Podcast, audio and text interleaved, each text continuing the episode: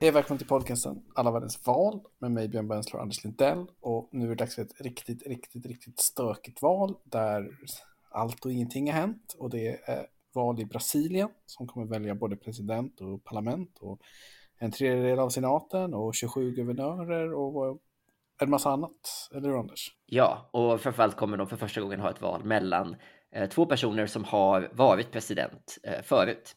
Eh, det är alltså sittande president Jair Bolsonaro som utmanas av eh, en av sina företrädare då, Lula da Silva. Och här är ett val som du valt ut på förhand som ett av dem du såg fram emot. Absolut. Eh, och eh, vi kommer ju foka mest på presidentvalet mellan dessa två giganter. Och det här är ju då ett av, ja, men ett av årets val kan man väl säga. Liksom. Två världskända politiker. Ja, precis. Det är ju två, det är ju, det är liksom, det är ju två av liksom 2000-talets liksom, kändaste politiker på den globala scenen på något sätt av lite olika eh, skäl som nu möts i ett val. Och det, det blir lite kul att prata om. Lula på ett sätt, eh, kommer väl in på det, men mer känd eh, för sig själv. Medan Bolsonaro är väl, han, har ju, han känns ju mest känd för att han hela tiden har berättats om som Brasiliens Trump. Ja, kanske. Jag tror att han, han har väl lite grejer för sig som är bara han. Han har lite grejer. Ja, men ska vi börja i någon annan ände då? Jo, eh, vad har vi på Brasiliens... Ska vi börja med det politiska systemet kanske? Mm. Eh, det kan, vi, det kan vi göra. Vill du säga något om, alltså alla vet väl att Brasilien är väldigt stort. Det är ju nästan lika stort som USA, liksom, utan Alaska.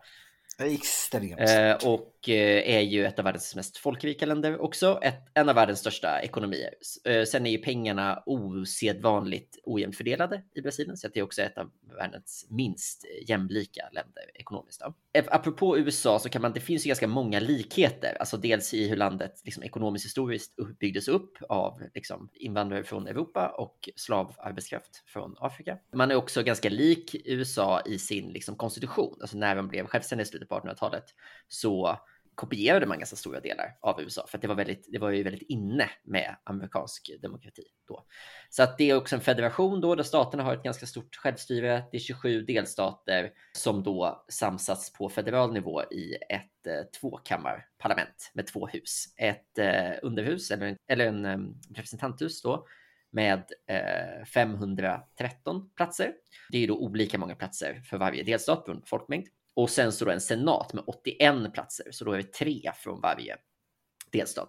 Och i senaten så väljer man antingen en plats eller två platser för alla. Så att nu kommer man välja en tredjedel av hela senaten. Då. Och då är, så då är det ett ganska enkelt val, det blir ett majoritetsvalsystem bara. Ah, Okej, okay. det, det, är ett val per delstat liksom. Coolt, det, det gillar vi ändå. Det är en sån där liten grej som hur alla demokratiska system är lite annorlunda varandra. Det finns liksom inget Nej. som är likadant. Så här är en sån Liten Precis. Nugget, liksom. Och sen så har man ju ett extremt presidentiellt system också som USA, alltså att presidenten väljs eh, separat på fyra år, får max sitta i två omgångar och, det, och presidenten har liksom jättemycket makt. Den utser regeringen själv, den kan göra, liksom, lägga vissa veton mot lagförslag och sånt där. Apropå då egenheter så kan man säga att en sak där man verkligen skiljer sig från den här typen av system i övrigt är att Ofta så använder man ju för att skapa tröghet i sådana här majoritetsvalssystem, liksom i USA till exempel, så har man ju en stark högsta domstol till exempel och man har två hus för att det ska finnas liksom separations of power någon liksom tröghet i systemet.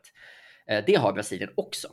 Men de har dessutom det sättet som vi har tröghet på i Sverige, alltså proportionalitet. Så att valet till representanthuset i Brasilien är helt proportionerligt. De har alltså inte ens en spärr till det valet. Eh, och det gör att man har ett superutpräglat flerpartisystem. Det finns också kulturella orsaker. Därför att även i senaten så är vi jättemånga olika partier där man skulle kunna tänka sig att det skulle vara mer utpräglat. Då. Eh, men det gör att man har liksom fruktansvärt många partier, ganska svag styrning av de här partiernas ledamöter, plus då den här maktdelningen mellan olika institutioner och till exempel en jättestark högsta domstol. Och det gör att det är väldigt, väldigt svårt för presidenten i Brasilien, vem den än är, att få igenom någonting genom huset. Och det är också svårt för huset att få igenom någonting. Det är liksom den stora, stora särprägen på brasiliansk eh, konstitutionell demokrati, är hur låst den är ganska många demokratier som vi stött på här som känns lite ineffektiva. Jo, det, det, får, man, det får man säga. Vi var ju i Italien här veckan. Ja, men eh, det är ännu svårare. Italien fick ju nu eh, ändå en, en majoritet i parlamentet som kommer kunna jobba ihop. Det kommer nog, vem av Lula och Bolsonaro som än styr Brasilien, efter den tredje eventuell, eller eventuellt då 30 oktober om det blir en annan omgång kommer ju för, ha väldigt svårt att ha. De kommer troligtvis inte ha en tydlig majoritet i eh, kongressen. Ska vi säga någonting om hur demokratiskt det är? Så tänker jag att det kan förvåna folk lite att eh, Freedom House rankar Brasilien som ett, ett fritt samhälle. Man får 73 av 100 poäng då i deras, ja, det är bra. deras mätning. Det är bra. Eh, och liksom eh, man har en, just de här liksom vallagarna, valsystemet eh, och så funkar. Man har liksom ett, ett robust demokratiskt system. Det har varit mycket snack om valsystemet inför nu. Det har vi verkligen. Det är ju väldigt inne och, på, på förhand eh, säga att, man, att det inte kommer vara schysst. Liksom. Ja, precis. Trumps taktik att liksom bädda för eh, en förlust har ju Bolsonaro använt eh, liksom rakt av här det är en demokrati som har jättemånga utmaningar, alltså liksom ojämlikt deltagande såklart, ganska mycket politiskt våld har det varit. Bolsonaro till exempel blev ju knivhuggen i förra valkampanjen 2018. Det är liksom ännu mer våld egentligen mot aktivister inom vänsterpartierna och sånt där. Så det är ett stort problem. Korruption är ett jättestort problem. Det är bara då så som eh, vi är vana vid att man pratar om korruption, alltså till exempel att företag och så köper tjänster av politiker, utan också inom det politiska systemet så har det varit problem att alltså regeringen för att få ihop majoriteter i den här omöjliga kongressen. Att man helt enkelt betalar extra för att få, få med sig eh, en del eh, ledamöter. Ja, ska vi snacka lite? Ska vi ta lite om den äldre historien och sen tar vi den politiska historien. Mm. För Brasilien är då med i ett av historiens mysterium. Och det är då att för den väldigt historieintresserade så slår ju Spanien och Portugal ett handslag 1494. Ett, ett avtal där Portugal då får landet till väster om en viss meridian i havet. Och precis i slutet innan det här ska tas så förhandlar de bort den linjen mycket närmare Amerika. Och det är ju då för att eh, eventuellt misstänks då att de redan har upptäckt Brasilien. Mm. För Brasilien är ju då den enda portugisisktalande kolonin i eh, Latinamerika. Och det är för att den ligger då på den här sidan av det här strecket. För de upptäcker först Brasilien officiellt sex år senare, år 1500. Och det är en sak man aldrig kommer få reda på. Att den lilla, lilla spetsen på Brasiliens liksom östkust i nordöstra Brasilien, den kom på, på andra sidan då av linjen och då kunde man räkna eh. hela Brasilien. Ja, man tog väl kanske lite mer, ja. men eh, det är ändå lite något man aldrig kommer få reda på. Eh, och Brasilien, ska man säga den äldre strukturella historien, så är man ju en portugisisk koloni, är man ju, men till slut blir man ju liksom en, en del av... Portugal styrdes från Rio under typ 60 år tror jag på, på 1800-talet. När... Ja men det är, vet du varför? Det är för att Napoleon ja. såklart kaosar. Ja. Och då är ju britterna där va? Och säger absolut vi kan hjälpa er att evakuera till Brasilien men då måste ni eh, riva upp era handelsavtal ni har och låta brittiska mm. fartyg ankra Brasilien och handla i, vadå? Jo, man handlar i kaffe och så vidare. Mm. Så eh, Portugals kungahus är evakuerat till Brasilien och rattar Portugal och sen tvingas de tillbaka till Europa och då Brasilien självständigt. Men man kan också säga att eh, man har en väldigt stark slavhistoria. Det som är ett land idag i alla fall som tog emot flest direkta slavar från Afrika är Brasilien. Och det mm. tänkte jag fråga dig om för att nu kommer Anders prata resten av podden. hur liksom du har, Anders har också bott i Brasilien kan man säga. Mm. Hur, innan vi tar liksom allt det här, hela politiska historien, men den här relationen mellan slaveriet och de vita i Portugal, hur viktig liksom är den politiska särskiljningen idag? Jo, men jag skulle säga att den är, eh, att den fortfarande har varit viktig, att det här har varit en, en stor politisk fråga liksom. Eh, och, och, om inte annat för att det fortfarande är ju präglat, liksom, man kan fortfarande se den ekonomiska historien i Brasilien kan man se väldigt tydligt i samhället. För den delen som då var på um, östra sidan om den här eh, Torcedias-linjen, eh, det är ju uppe i Bahia i nor nordöstra Brasilien. Och det är där som de stora sockerplantagen och stora slavplantagen och så var från början. Så det var ju liksom det första Brasilien. Sen i takt med att man liksom öppnade upp för en annan typ av invandring så växte ju Brasilien in i landet och då blev det först liksom stora jordbruk och sen de här stora kaffeplantagen som är i, södra och sydöstra, sydvästra Brasilien där man hade mer, vad ska man säga, fria arbetare som jobbade på. Och det gör att eh, man kan säga att den, det syns, det mönstret syns fortfarande i samhället. Alltså att eh, det är en betydligt eh, liksom fattigare befolkning i norr och en betydligt rikare och eh, vitare befolkning i, eh, i söder. För där hade vi i Brasilien en ganska speciell typ av invandringspolicy på 1800-talet där man ville ha vita katoliker. Så det flyttade in jättemycket tyskar, polacker och italienare i södra Brasilien. Vi bor typ alla längs en remsa längs kusten. Också. Ja, alltså alla, alla i Brasilien. Alltså, ja, en enorm del av befolkningen bor i området Sao Paulo, Rio. Liksom den. Ja, precis. Sao Paulo och sen så strax öster om Sao Paulo ligger Minas Gerais som ju också var, har varit ett jätteviktigt ekonomiskt eh, politiskt eh, centrum. Eh, man kan säga att under den första delen av brasiliansk demokrati, om vi ska gå in på det, så kallade man, man kallade den eran i efterhand för, för kaffe och mjölkpolitiken, som då är kaffeodlarna i Sao Paulo och mjölkbönderna i Minas Gerais var egentligen de som styrde alltihopa. Eh, och dessutom gjorde man det mer eller mindre på militärens liksom, godkännande hela tiden. Det var ett ganska apolitiskt och lågt deltagande under den första delen. De här vita plantageekonomierna, eller demokratierna, det är liksom väldigt så här begränsad rösträtt och så, de, de tenderar ju att vara kaosiga. Jag har ju följt Mexiko ja. och Colombia och Argentina. Precis. Eh, och det som också händer i hela Sydamerika, som vi pratade lite om i Argentina-avsnittet, är ju det här med liksom, populism. Och den första liksom, populisten i Brasilien var en man som heter Getulio Vargas, som eh, förlorar ett presidentval 1930, gör en kupp, eh, blir president, avskaffar demokratin, eh, inför demokratin igen, sen avskaffar han den igen. och han börjar på något sätt, han är lite Brasiliens Peron och börjar på något sätt bedriva någon typ av vänsterpolitik tills han avsätts av militären 1945. Sen kommer han tillbaka som president efter att man har återinfört demokratin igen och eh, skjuter sedan sig själv efter att det blir protester mot hans eh, styre av landet. Han är också någon slags diktatorgrej, men han är också typ den första politikern som jag förstår när jag läser på här, som har liksom ett genuint folkligt stöd också. Precis, han är, alltså jag tycker Peron är ett ganska bra exempel. Så att, alltså hans projekt var inte ett vänsterprojekt som han ska förstå idag. Det var liksom ett nationalistiskt projekt som handlade jättemycket om honom som person. Men han var den första som på något sätt sysslade med arbetarklassens villkor, så att han fick ju också politiskt stöd. Men det viktiga med Vargas är också att det inför en tradition av att militären går in och intervenerar. Det är liksom en viktig pelare i brasiliansk eh, politik, att, att militären liksom äger Brasilien och tillåter politikerna att styra det då och då. Liksom. Det är en stämning som återkommer.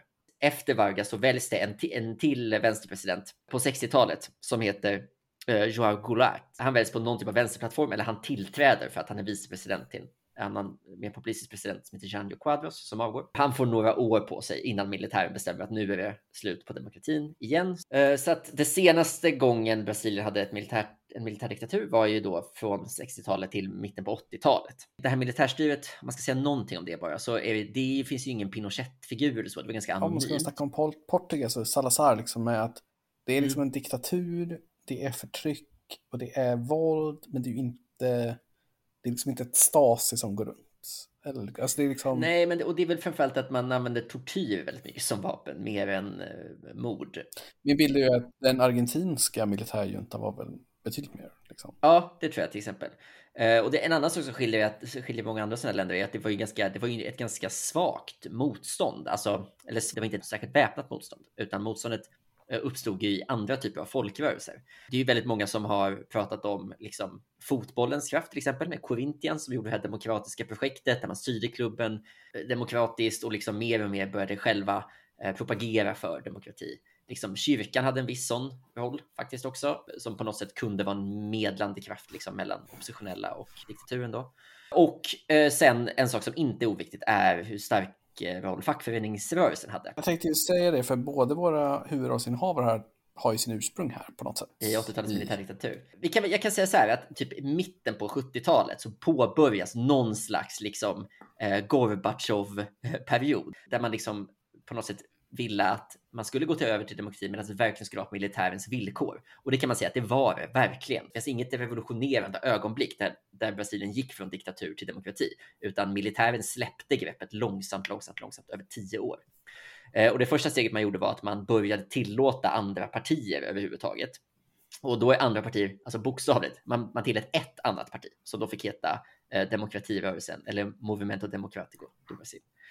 Eh, och de tävlade då mot arméns eh, parti som hette Arena och när det gick bra för dem så ändrade man ramverket så att, så att Arena fortsatte vinna. Så att det var liksom en, en skendemokrati den första tiden. Det, det, som också händer är ju att det börjar bildas andra organisationer. Och 1979 bildar ett gäng studenter och fackföreningsaktiva ett parti som heter Partido dos Trabalhadores, förkortat PT, alltså arbetarnas parti. Eh, och en av grundarna för partiet är en metallarbetare som heter Luis Ignacio da Silva. Eh, och året efter det så eh, lägger han till sitt smeknamn till sitt namn. Det är Lula. Året efter det, 1983, så är han med och startar eh, Brasiliens LO Central Unica dos Trabajadores. Så att här i början på 70-talet eller 80-talet så liksom skapar man de här strukturerna för någon typ av arbetarrörelse. Och då kan vi säga att Lula är ju då, som jag förstår det, och du får rätta mig om jag har fel, men han är inte en, många vänsterledare eh, kommer ju från ett intellektuellt håll.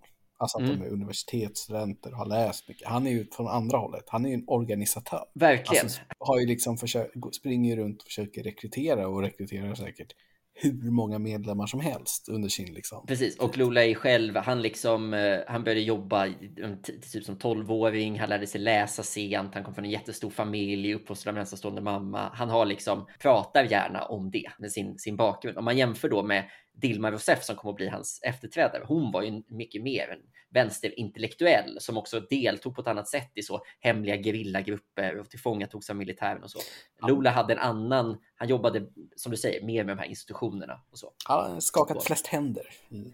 Precis, och det funkar därför att när, när de fortsätter då att öppna upp demokratin, så man har ett val 1986, då är Lula den som är Eh, då blir han den med flest röster i hela kongressen när han blir invald. Så att han, redan då är han någon typ av namn. Och det som har hänt då är också att man har haft det första eh, presidentvalet. Det var inte direkt då, vilket ju var en jättestor kampanj att man skulle ha. Som man kan säga, även om den här Diretas ja-kampanjen som handlade om att man skulle ha eh, direktvald president, den lyckades ju inte, men den var ändå som en motor som gjorde det omöjligt att backa på demokratiseringen. Du förstår vad jag menar? Men själva valet hölls inte direkt utan hölls indirekt. Eh, och trots det så valdes då för första gången en civil president då 1985. Och det är då ledaren för det MDB som heter Tancredi Nevers och han har den egenheten att han väljs till president och är Brasiliens första valda president. Men han blir aldrig det därför att han hinner dö eh, innan han tillträder. Så det blir istället hans vicepresident. Men demokratisering är ändå ett faktum. Man skriver en ny konstitution man tillåter flera partier och man börjar planera för liksom, öppna val för första gången. Då snackar vi väl att det här är slutet på 80-talet? Det här är slutet på 80-talet. Det första presidentvalet hålls 1989. Inför det så bildas, alltså M MDB fortsätter då, den här demokratirörelsen, men bildar då Partido do Movimento Democratico, alltså PMDB. Ehm, och ur det kommer också ett annat, MDB blir som en mittenrörelse eftersom de, där har ju alla som överhuvudtaget är för demokrati från höger till vänster samlats där. Men ur det så bildas också ett mer renodlat mittenparti som heter Partido Social Democrático do Brasil, PSDB. Och det är då inte ett socialdemokratiskt parti som man kan tro, utan från början då kanske snarare någon slags social-liberalt parti. Men med tiden rör man sig ganska stadigt åt höger och blir liksom det statsbärande eller det stora breda högerpartiet. De bildas också här i slutet på, på 80-talet och jag nämner dem för att de är, det är väldigt relevant. Ja, men kraft, de liksom. har väl makten där i början. Lula torskar ju de första valen han ställer upp i. Precis, Lula är liksom stor favorit, men torskar mot en man som heter Fernando Collor de Mello som då blev den första folkvalda presidenten i Brasilien som dundrar igenom eh, på grund av att han köpt jättemycket tv-reklam. Collor avsätts eh, efter bara två år för att han har gravt misskött ekonomin så mycket. Och 94 är det då dags för ett nytt val där Lula återigen kandiderar, återigen är någon typ av favorit från början, men Torskar, blir liksom superspöd av mannen som precis innan har tagit över efter att Collor fick avgå så kommer liksom en, en finansminister som heter Fernando Henrique Cardoso som är liksom utstrålad statsmannamässigt lugn och spöar Lula redan i första omgången. Cardoso sitter sedan fyra um, år och gör det bra, har ett högt förtroende och slår Lula igen 98 i första omgången. Men eh, Lula plockar in lite amerikanska konsulter eller något till nästa val va? Ja, för det som händer sen är ju att liksom Lola börjar liksom klä sig i kostym, raka sig lite bättre, skaffa en frisyr och räknar på sina reformförslag. Och när Cardoso till slut avgår 2002, vilket han ju måste göra för man får bara sitta två, då vinner eh, Lula mot hans efterträdare med liksom besked. Och sen går det ju jävligt bra för Lula, så var vid makten, eller hur? Han blir ju internationellt eh, hyllad. Precis, och man kan, lite i efterhand kan man ju säga att det var kanske tur, tur för Lula och Brasilien att han inte vann de här första gångerna utan att han fick ta över. För att Brasilien gör ju, har ju en otroligt framgångsrik era ekonomiskt de här åren. Eh, och vi behöver ju inte vara så PT-lojala och tro att det är för att Lula är president. Eh, men däremot så är det ju så att det kanske var, det var en väldigt bra timing att då komma in och föreslå stora reformpaket som också fördelade den här tillväxten. Så att eh, det, det, stora som blev välkänt var ju det som heter Bolsa Familia, som alltså är ett slags barnbidrag till de fattigaste familjerna i Brasilien eh, och som lyfter väldigt, väldigt många människor ur fattigdom och som också är lite villkoret så att det innebär att massa barn lär sig läsa till exempel för man måste gå i skolan för att få det och så. Ja, nej, precis. Han tog ju också plats på den internationella scenen. Och mm. De bildar de här BRICS-länderna och han är klimatintresserad av de här grejerna. Men han lämnar i alla fall över 2010 för att han måste, eller hur? För att han vill ju egentligen inte. För att den som lyssnar mellan raderna nu förstår ju att det här är ju en person som verkligen, verkligen vill vara president i Brasilien. Ja, och som har kandiderat då fem, fem val i rad. Otroligt eh, makthungrig, måste jag ju säga. ja, det får man säga. Och eh, det, finns ju, bara, det, det, finns ju en del saker att liksom kritisera Lula för, det som är viktigt att säga här. Alltså, han är en av de bästa talarna i världen. Han är otroligt bra på att stå på en scen och ingjuta mod i människor. Men han är också makthungrig. Det kom en stor skandal som heter mensalon, som betyder typ löneutbetalningar, betalningar som handlar just om det här att han syr ihop en del, det syrs ihop en del majoriteter genom att ledamöter i kongressen helt enkelt blir betalade för att rösta som regeringen Men är inte det spelreglerna? Alltså ja, liksom, gjorde han någonting värre Nej, än någon Lula kan inte, han har aldrig liksom dömts för just det här, men det är också svårt att tänka sig att det hände något i arbetarpartiet. Ska man inte vända på det, säger jag, sa ju i inledningen Anders, att det var väldigt svårt att få igenom något i kongressen ja. i Brasilien, men han lyckades ju med det. Skitsamma metoden. Eller? Ja, jo, jo, kanske. Men det finns en del saker som på något sätt där, som tyder på att liksom, hans demokratiska insikter har inte alltid varit perfekta. Däremot så eh, tycker jag att det är viktigt att här säga att Eh, man kan inte likna liksom, Lula vid typ en Chavez-figur eller andra så vänsterpopulister som dök upp i, i Sydamerika för här, vid, här, vid samma tillfälle. Och ett av de viktigaste skälen till det är att PT, alltså Partidos Trabajadores, är ett mycket, mycket mer demokratiskt parti. Det påminner om typ den svenska socialdemokratin på så vis att det är en koalition av massa stora organisationer som i sin tur på något sätt utövar någon slags demokratisk struktur. Det är inte som Chavez, utan det är att det finns en bas där bakom som faktiskt ställer Lula till svars. Men eh, det som han har fått kriti mycket kritik för är ju det som sen ligger grunden för vad som händer åren efter. Och det är ju att han är väldigt dålig på att utse och kratta för sin efterträdare. Partiet har varit beroende av Lula hela hans period och när han ska utse en efterträdare så finns det liksom två val. Det ena är en man som förlorade mot Lula i presidentvalet, men också en vänsterkandidat som heter Ciro Gomes som Lula tar in som eh, minister för att liksom på något sätt ena vänstern. Eh, men kanske aldrig riktigt gillar, utan mer gör det just för ena vänstern. Men det är en väldigt karismatisk och duktig talare också. Och den andra är då Dilma Rousseff som är Lulas först energiminister och sen eh, stabschef. Och stabschef i Brasilien är liksom, det är som en upphöjd statssekreterare till presidenten som sitter i regeringen också. Så det är typ en premiärministerpost kan man nästan förstå det som maktmässigt. Och Dilma är liksom vad ska man säga, hon är en Stefan Löfven typ i det här läget. Alltså hon är duktig på att hålla ihop partiet och få saker gjort. Hon är också väldigt känd internationellt ändå. Alltså. Ja, och, blir, och, och vinner ju valet 2010 och blir Brasiliens första kvinnliga president. Ja, 2014 också. Och 2014 också, så att allt ser ju väldigt bra ut på, på ytan. Kul att man kan få kritik för att man är dålig på att utse en efterträdare som vinner två val. ja, vad ligger ribban då? Jo, men på något sätt så skulle jag ändå säga att eh, Dilma vinner på grund av Lula. Alltså att Lula är i det här läget mycket starkare än partiet. Han har pekat på Dilma, folk röstar på honom därför. Men återväxten i PT är dålig. Det är ett ganska trött parti som går till val 2014.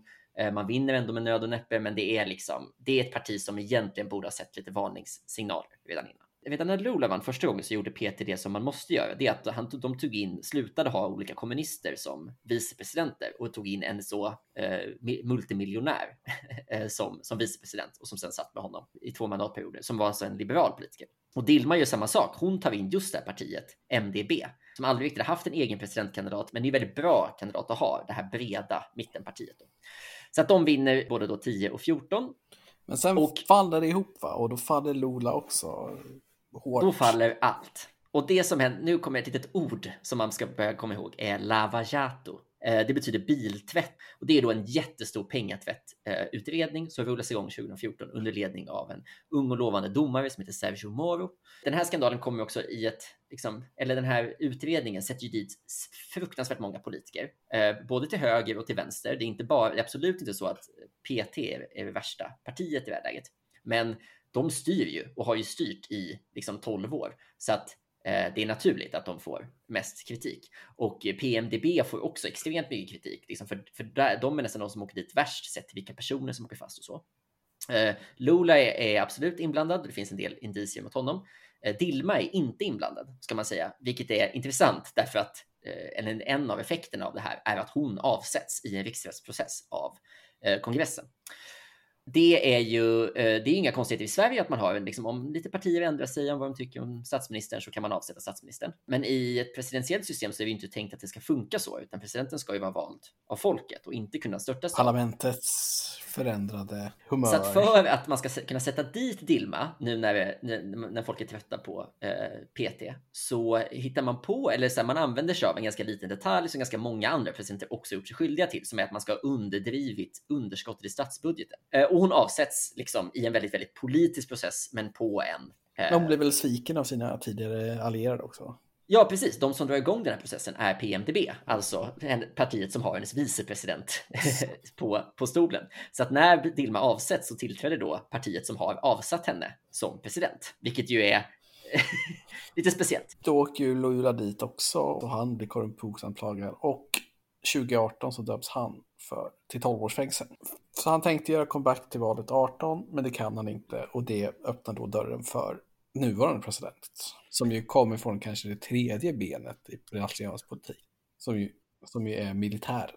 För att förklara det här så ska man stanna lite i den här riksrättsvåren då, 2016, när man avsätter Dilma. Det var ju också då jag var i Brasilien, så jag hade förmånen att verkligen följa det här. Såg den här långa, långa processen på, på tv och var ute och pratade med folk som demonstrerade. Det var ju liksom flera miljoner i demonstrationer på i Sao Paulo. Då. Och under de här demonstrationerna så, de är ju mot PT, det stora vänsterpartiet. Men när det kommer ner högerpolitiker till de här demonstrationerna så buar ju folk också. För att folk är trötta på alla partier i det här läget. Och ganska många, framförallt rika brassar, upplever att så här, nej, men politikerna kan inte hantera eh, brasiliansk politik. Det är dags att militären får, får styra det här igen. Eh, så att det finns liksom en enorm hopplöshet bland liksom, fattiga väljare och en enorm liksom, bitterhet och surhet bland rika väljare kan man säga. Så det finns egentligen inget, inget bra eh, alternativ. Och det här gör hela den här riksdagsprocessen så korkad. Alltså varför tog de inte chansen, den brasilianska högern, att gå till val som opposition mot ett slutkört arbetarparti som har spelat ut sina två bästa kort och nu Eh, möter en ekonomi som börjar bli dramatiskt försämrad. Istället sätter man sig själva i regeringen i en ekonomi som går sämre och sämre. Brasilien har ju fotbolls-VM och OS de här åren och det är ju två ekonomiska katastrofer liksom, som folket hatar. Och så, och så sätter man sig där i den här högerregeringen och bara kör förtroendet i botten även för högersidan i politiken. Så att den demokratiska vänstern misslyckas först i, och sen så misslyckas den demokratiska högern. Och då finns det då som du sa det tredje benet kvar. Och eh, det lanseras också den här eh, dagen när varje ledamot i kongressen går upp och avger sin röstförklaring för om man vill avsätta Dilma eller inte. Då, då pratar man som bekant inte ett dugg om det här med budgetunderskottet, utan man pratar om allt möjligt, om Gud och sin familj och eh, antikommunism och sånt där. Men en man går upp och säger jag röstar ja och jag dedikerar den här rösten till Carlo Brillante Ustra. Och folk buar, det blir lite konstigt tumult och han går ner igen. Och då kan man undra, vem är Carlo Brillante Ustra? Jo, det är den militära ledaren som ansvarade för tortyr av politiska dissidenter och fångar på 70-talet. Däribland Dilma Rousseff. Så att eh, den här parlamentsledamoten som går upp liksom hyllar mannen som torterade Dilma när han avsätter Dilma. Ja, det är, det är tungt. Och det är starten på Jair Bolsonaros eh, resa mot eh, presidentposten. Makten och världskändisskapet. Ja. Och han är ju då en outsider i politiken kan man väl säga. Verkligen. Han, Bolsonaro var ju, han var ju lite för ung för att verkligen leva ut sina drömmar om militärdiktatur. För han är född 1955, eh, så han var ju typ 30 när det blev demokrati igen. Och istället blev han proffspolitiker. Han kom in från, från Rio eh, och sen, satt sen i parlamentet och typ tyckte att det skulle vara militärdiktatur i 30 år och gjorde ganska lite. Han är liksom inte, ett bra svenskt exempel är ju eh, Hanif Bali. Man sitter i parlamentet och använder det som en plattform för att typ göra dramatiska uttalanden eh, och få en följarskara på det sättet snarare än att använda sin position i parlamentet för att faktiskt förändra politiskt. Liksom. Så det är lite den taktiken kan man säga. Eh, och han gör det egentligen hela, eh, alltså hela 90-talet och hela 00-talet och sen då kandiderar han till president. Hans politiska övertygelse bygger ju mycket på att han hatar saker. Alltså han gillar inte kvinnor, han gillar absolut inte homosexuella, han gillar absolut...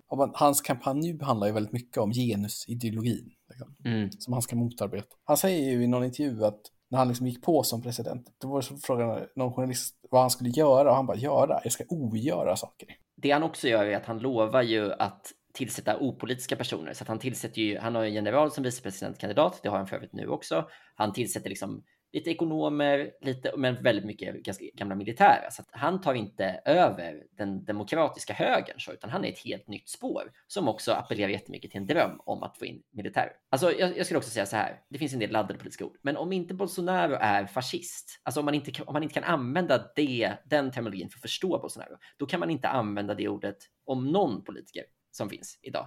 Därför att det är väldigt mycket som liksom påminner, alltså som handlar mycket om det här, så här föraktet för demokrati, föraktet för svaghet, så här, våldet som överideologi, liksom idén om någon typ av teknokrati som det bästa systemet och så. Alltså det finns väldigt mycket som påminner väldigt mycket om andra fascistiska ledare. Men det som präglar hans presidentvalskampanj 2018 är ju väldigt mycket att göra vad ska man säga, spetsiga uttalanden. Typ, och, och, och så. Den Men han vinner ju enkelt, eller? Ja, precis. Men han, han spöar Fernando Haddad som är en ganska slätstruken gammal utbildningsminister under Lula. Eh, och det som också händer 2018 är att PSDB, alltså det stora högerpartiet, gör sitt absolut sämsta val någonsin och kommer in på några procent. Ja, och där har vi då täckt hela avsnittet. Ja, och, eh... och nu ska vi prata om det här valet. Men nu vet ni i alla fall vilka personer det här står mellan. Och då kan man ju då säga att här har vi då täckt det största oppositionspartiet, Lulas parti. Och vi har täckt Bolsonaro som liksom, han, har, han måste ju ha varit med i så otroligt många partier. Ja, det här är hans tredje parti sedan han började kandidera till president. Det är en sak som är intressant att säga om partirymden då innan, är att det är viktigt att förstå att PT, alltså Lulas parti, är inte ett mitten-vänsterparti utan PT är längst till vänster i västerländsk politik. Och sen utmanas de av en del andra progressiva partier ofta. Det finns till exempel Socialistpartiet, det finns där Ciro Gomes parti PDT som betyder Demokratiska arbetarpartiet. Så de är generellt liksom strax höger om PT. Så att de progressiva små partierna, och det här skiljer sig från alla länder i Europa, liksom, att de progressiva små partierna som på något sätt cirklar runt det stora arbetarpartiet, de står till höger om dem ekonomiskt politiskt och upplevs som mer vad ska man säga, moderata eh, än det stora partiet. Eh, det andra som är viktigt att säga är att PT som då är största parti idag är alltså, alltså 10 procent i representanthuset. Så att det är, och 14 procent i senaten. Så att det är alltså ett, ett enormt, enormt fragmenterat landskap. Eh, Okej, okay, men vilka är då de stora frågorna i det här valet? Är det bara ett val om Lula eller Bolsonaro eller finns det några sakfrågor som dominerar? Det är ju nästan bara, skulle jag säga, ett val mellan Lula och Bolsonaro. Och nästan ännu mer så, ett val mot någon av dem. Det här är ju två personer med extremt stora antipatier i, eh, i Brasilien. Och om man ska kolla då på den tredje kandidaten som kandiderar, eller den som ligger tre i mätningen nu, som är just den här Ciro Gomes, som har kandiderat ungefär lika många gånger som Lula har gjort. Eh, han kandiderar ju mot båda de två och säger liksom att både korrupta, både en del av systemet, både det är liksom det, det, enda som på något sätt avgör det här kommer vara vem, vem har man störst antipatier mot. Och är det inte frågan från vänsterhåll är väl mer eller mindre att det här är ett val som handlar om demokratins överlevnad, vilket mm. vi hör i väldigt många länder. Eh, och då typ mer allvarligt än vissa i vissa andra. Men där mm. är det väl väldigt mycket diskussion om det kommer bli en eventuellt att om Bolsonaro har ju då byggt upp ett redan nu att det är korrupt och, och riggat och allt möjligt. Mm. Och det finns en stor osäkerhet vad som kommer hända. För eh, han har inte haft så mycket policy Bolsonaro. Men en fråga han har varit väldigt framgångsrik i, vet du vilken mm. det är? Eh, vapenfrågan annat. Exakt, har avreglerat en... vapenmarknaden, mm. något så sanslöst. Vilket har gjort att andelen vapenägare som är registrerade, finns såklart illegala vapen, massor ja. i Brasilien, det är ju jättemycket våld, har liksom gått från typ 150 000 till 600 000. Och ja. alla, och de flesta av dem anses vara Bolsonaro-supportrar, så att de är väldigt välbeväpnade. Ja, det är ju en sån följd. Och det andra har ju handlat jättemycket om typ livsvillkor och typ, alltså hunger är ju ett begrepp som Lula använde väldigt mycket i sin kommunikation. Ett av hans stora åtgärdspaket på, när han tillträdde första gången var som ett stort paket mot hunger. Eh, som handlar om så här, sänka matpriserna, kampanjer om näringslära och sånt där på, på landsbygden hos fattiga familjer. Och det är eh, ju, eh, frågar man väljarna, vilket ja. som är det största problemet i Brasilien, så är det ju ekonomin, hungern, hälsa och sen kommer korruption och våld och utbildning längre ner. Så det är ju ja. sociala frågor ändå i fokus. Liksom om, om man bortser från att det är valet mellan de här två personerna. Men... Det som också håller på att hända är att eh, Bolsonaro har rört sig mot mitten. Han har till och med försökt triangulera Lula i eh, det här Bolsa-familjen som jag pratade om, det här ekonomiskt stöd till fattiga barnfamiljer. Det han, han har ökat det stödet och bytt namn på det så att det är liksom ett eget stöd som är liksom större än det som Lula hade i ett försök att köpa sig då eh, röster från, från liksom Lulas väljarbas. Det som också har hänt är att Bolsonaro skulle jag säga har bytt ganska mycket, alltså från att ha varit den här ganska ganska grova i käften edgelord-kingen som han har försökt vara genom att bara hela tiden rida på folks hat mot honom, så har han typ försökt lugna sig ganska mycket. Han pratar på ett lite annorlunda sätt. Nu pratar han om pandemin till exempel som att det var en stor kris för Brasilien, men under coronapandemin så sa ju Bolsonaro att det var som en liten liten feber och typ vägrade köpa vaccin och sånt till Brasilien. Så att um, han gör ett försök nu att liksom checka in Lulas försprång um, i, här genom att, genom att på något sätt röra sig lite inåt. Och det är väl intressant att jag tycker det ser ut lite som det funkar om man kollar på aggregerade mätningar. Liksom. Ja, det är ganska jämnt i mätningarna här. Lula ja. leder ju, eh, har ledat hela tiden kan man säga. Men det har ju blivit mycket jämnare. Lula ja. kanske ledde med 20 procent, till och med mer än så under 2021, men nu är det typ 10% max och ännu tajtare i vissa i runoffen då. Eh, ja. I första omgången så ingen ser ut att vinna i första omgången kan man säga. Precis. Eh, det såg väl ut som Lula skulle ha en chans att vinna i första omgången eh, tidigare, men det har han inte. Utan... Nej, och Lula har gjort en del stora misstag. Eh, det ena är att han, han, hoppade av, han hoppade över en debatt som var här i lördags nu. Medans de andra då stod och bråkade med Bolsonaro. Och Bolsonaro fick framstå som en ganska, för det är ju massa små kandidater som typ håller på 1-2 procent som fick vara med i den här debatten. Och Bolsonaro fick ju då framstå som ändå ganska Ja, man, ska, man ska aldrig hoppa över debatter. Alltså, Nej, det... det... ser inte bra ut. Uh, och jag såg att samtidigt så twittrade Lula mer eller mindre så här. Uh, när jag blir president så ska vi få ordning på det här landet så att folk kan få käka en köttbit och dricka ett glas öl igen. Han liksom appellerar på något sätt till någon slags vanligt folk, liksom nerv där som kanske inte riktigt funkar. Uh, men jag ska säga det att han har lovat nu. Det är en debatt på Globo som är den stora tv-kanalen. Den är nu på torsdag och den har han lovat att vara med på. Så att ja, det, han, kommer, han kommer inte vara helt debattlös. Nu. Det var ju en fråga i en opinionsundersökning på, liksom, som ändå fångar det politiska läget som jag tyckte var lite bra. Det är, vilka, mm. vilken, vilket, vilket av dessa ger dig mest rädsla?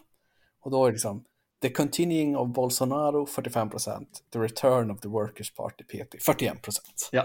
liksom, eh, och så 5% på both, 5% på neither. Så det är liksom, det, det, det är ett negativt val. Det, alla, de flesta valen i Västeuropa, eller i Västeuropa, västvärlden, är ju liksom, det är ju negativa sentiment. Ja. Så. Det är ju liksom, det är ju så. Och det här är ju ett av de värre. Ja, men verkligen. Det har ju också varit väldigt mycket våld, eller hur? Alltså det var ju någon PT-företrädare som blivit mördad, va? Mm. Men det är återkommande. Liksom, med, och det är en väldigt stor konflikt mellan Bolsonaro och Högsta domstolen som jag har förstått det. Ja, han försöker ju positionera sig som en outsider mot hela det politiska systemet. Och en, en tydlig grej som hände med det är att en av eh, domarna i Högsta domstolen är nu också domare för valdomstolen som liksom överser själva valrörelsen. Det finns fruktansvärt mycket domstolar på sidan och jag fattar aldrig vilken som är vilken och vad de gör. Men han tillträdde för då någon månad sedan bara. Och då, för att typ buffa upp sig själv, så ringde han in själv. Det här är en ganska, så här, det är en ganska respekterad mittenperson, liksom, som absolut inte är någon vänsterpolitiker. Så. Han, han ringde in så här, alla gamla presidenter, massa gamla så här, guvernörer från höger till vänster och så håller han så ett brandtal om att så här, det här ska vara en fredlig valrörelse. Typ rätten, han sa till, bland annat så här, rätten till yttrandefrihet inte samma sak som rätten till hat och så där. Och river ner en hel del applåder och den enda som inte applåderar är då sittande president som sitter liksom armarna i kors på scenen. Så det är väldigt tydligt att han inte gillar vad han hör. Liksom. Så att det finns ju verkligen en sån en spänning mellan liksom det övriga rättsväsendet eller de, de övriga liksom statsbärande eller man ska säga, myndigheterna i Brasilien och Bolsonaro. Eh, men det finns ju en viktig myndighet som man har på sin sida. Vet du vilken det är? Nej, det vet jag inte. Det är Försvarsmakten. Ja, självklart. Eh, när, när Bolsonaro vill anordna ett stort så nationalistiskt nationalistisk fest i Rio på... Eh, 200 års jubileet var det väl nu? Precis, eh, i, i Rio. Som ju var ett illa förtäckt liksom, valkampanjmöte. Då var, det ju, då var ju självklart att militären dök upp. Och eh, hans presidentkandidat nu är en, så här, eh, en general som... Vice. Ja, precis. Vicepresident. Men eh, vad tycker, har du någon koll på vad Neymar och de här tycker då? Är de Bolsonaro eller? Eh, ja, det har ju faktiskt varit lite, tyvärr så har ju varit, Neymar har ju råkat göra lite Bolsonaro-grejer. Eh, även Ronaldinho har ju åkt dit, stått och, och kampanjat i en eh, Bolsonaro-tröja. Sen är det aldrig någon som följer upp det med att de tycker någonting. Det känns som att de alla har blivit lurade. Men den stora, vad heter det, rörelsen bland ex-fotbollsspelare, det är ju Romario. Ja, men han är ju PT. Nej, han är inte det. Mm. man trodde det, för han var, han var liksom vänster förut. Han var då socialist, tillhörde socialistpartiet som ju då står till höger om Peter, men ändå en del av vänsterblocket. Ska säga. Han har sedan långsamt rört sig. Nu är han med i ett parti som heter Podemos och det är samma parti som den här Sergio Moro, alltså den här eh, domaren som fällde Lula och som sen på grund av att han råkade göra det tydligt att det var politiskt motiverat så blev ju Lula frisläppt. Liksom. Så att ehm, eh, Romario har nu hamnat i någon slags högerfålla, snarare, långs rört sig långsamt. Han har också uttalat sig positivt till, till Bolsonaro. Ja, så kan det gå. Då är det val i helgen alltså, 2 oktober. Eh, vad tror du, hur tror du det går i första omgången då? Uh, alltså jag tror att PT över, att Lulas stöd är överskattat i mätningarna. Jag tror att det blir väldigt, väldigt jämnt, att de får typ 40-40 eller så. Ja, det, det jag kan tycka är intressant är att det, det verkar som att Lulas tid som president var ju väldigt framgångsrik. Alltså mm. ekonomin växte, man var ju ett av världens tio rikaste länder, alltså nominell BNP då, inte per capita såklart. Mm. Och han verkar inte ha så mycket goodwill för just det. Att det liksom var ändå, om man tittar på sig jag kan ju inget, men om man tittar på så externa indikatorer, liksom, när gick det bra för Brasilien, så verkar det ju varit då. Mm, mm. Men det verkar inte betyda så mycket. Nej, men jag tror många ser det som att det är den här eh, Fernando Henrique Cardosos, alltså man ser mycket att men det var ändå han som kom in och styrde upp 90-talskrisen liksom.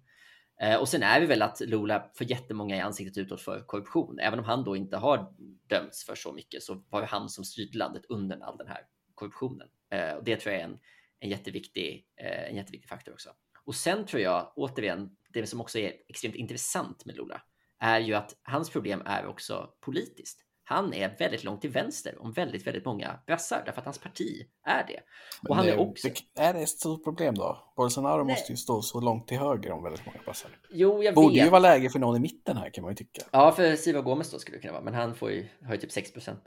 eh, nej, men det är ändå något, det är också intressant att så här, eh, det finns ju ingen annan, på många sätt är ju Brasilien lik massa europeiska länder sen. Tappande socialdemokrati, så här, imploderad höger och en så här växande ytterhöger.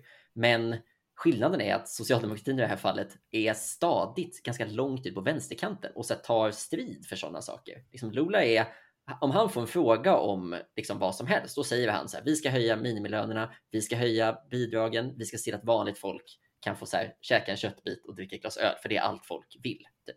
Alltså han, är, han pratar alltid en väldigt, väldigt så här, tydlig klassretorik och backa på något sätt inte. Och det tror jag också är, det är intressant för att det är ovanligt i den positionen. Men det är också kanske det som gör att ja, många medelklassväljare tycker att det är svårt att rösta på honom. Ja, nej, men då vet ni hur det kommer gå. Vad är nästa land vi kommer köra? Eh, vad tycker du? Bulgarien eller Bosnien har ju båda val samma dag som Brasilien. Ska vi köra ja. Bosnien först eller så har vi Bulgarien eh, som en liten treat i slutet på veckan? Nej, vi kommer ta Bulgarien först. Ja.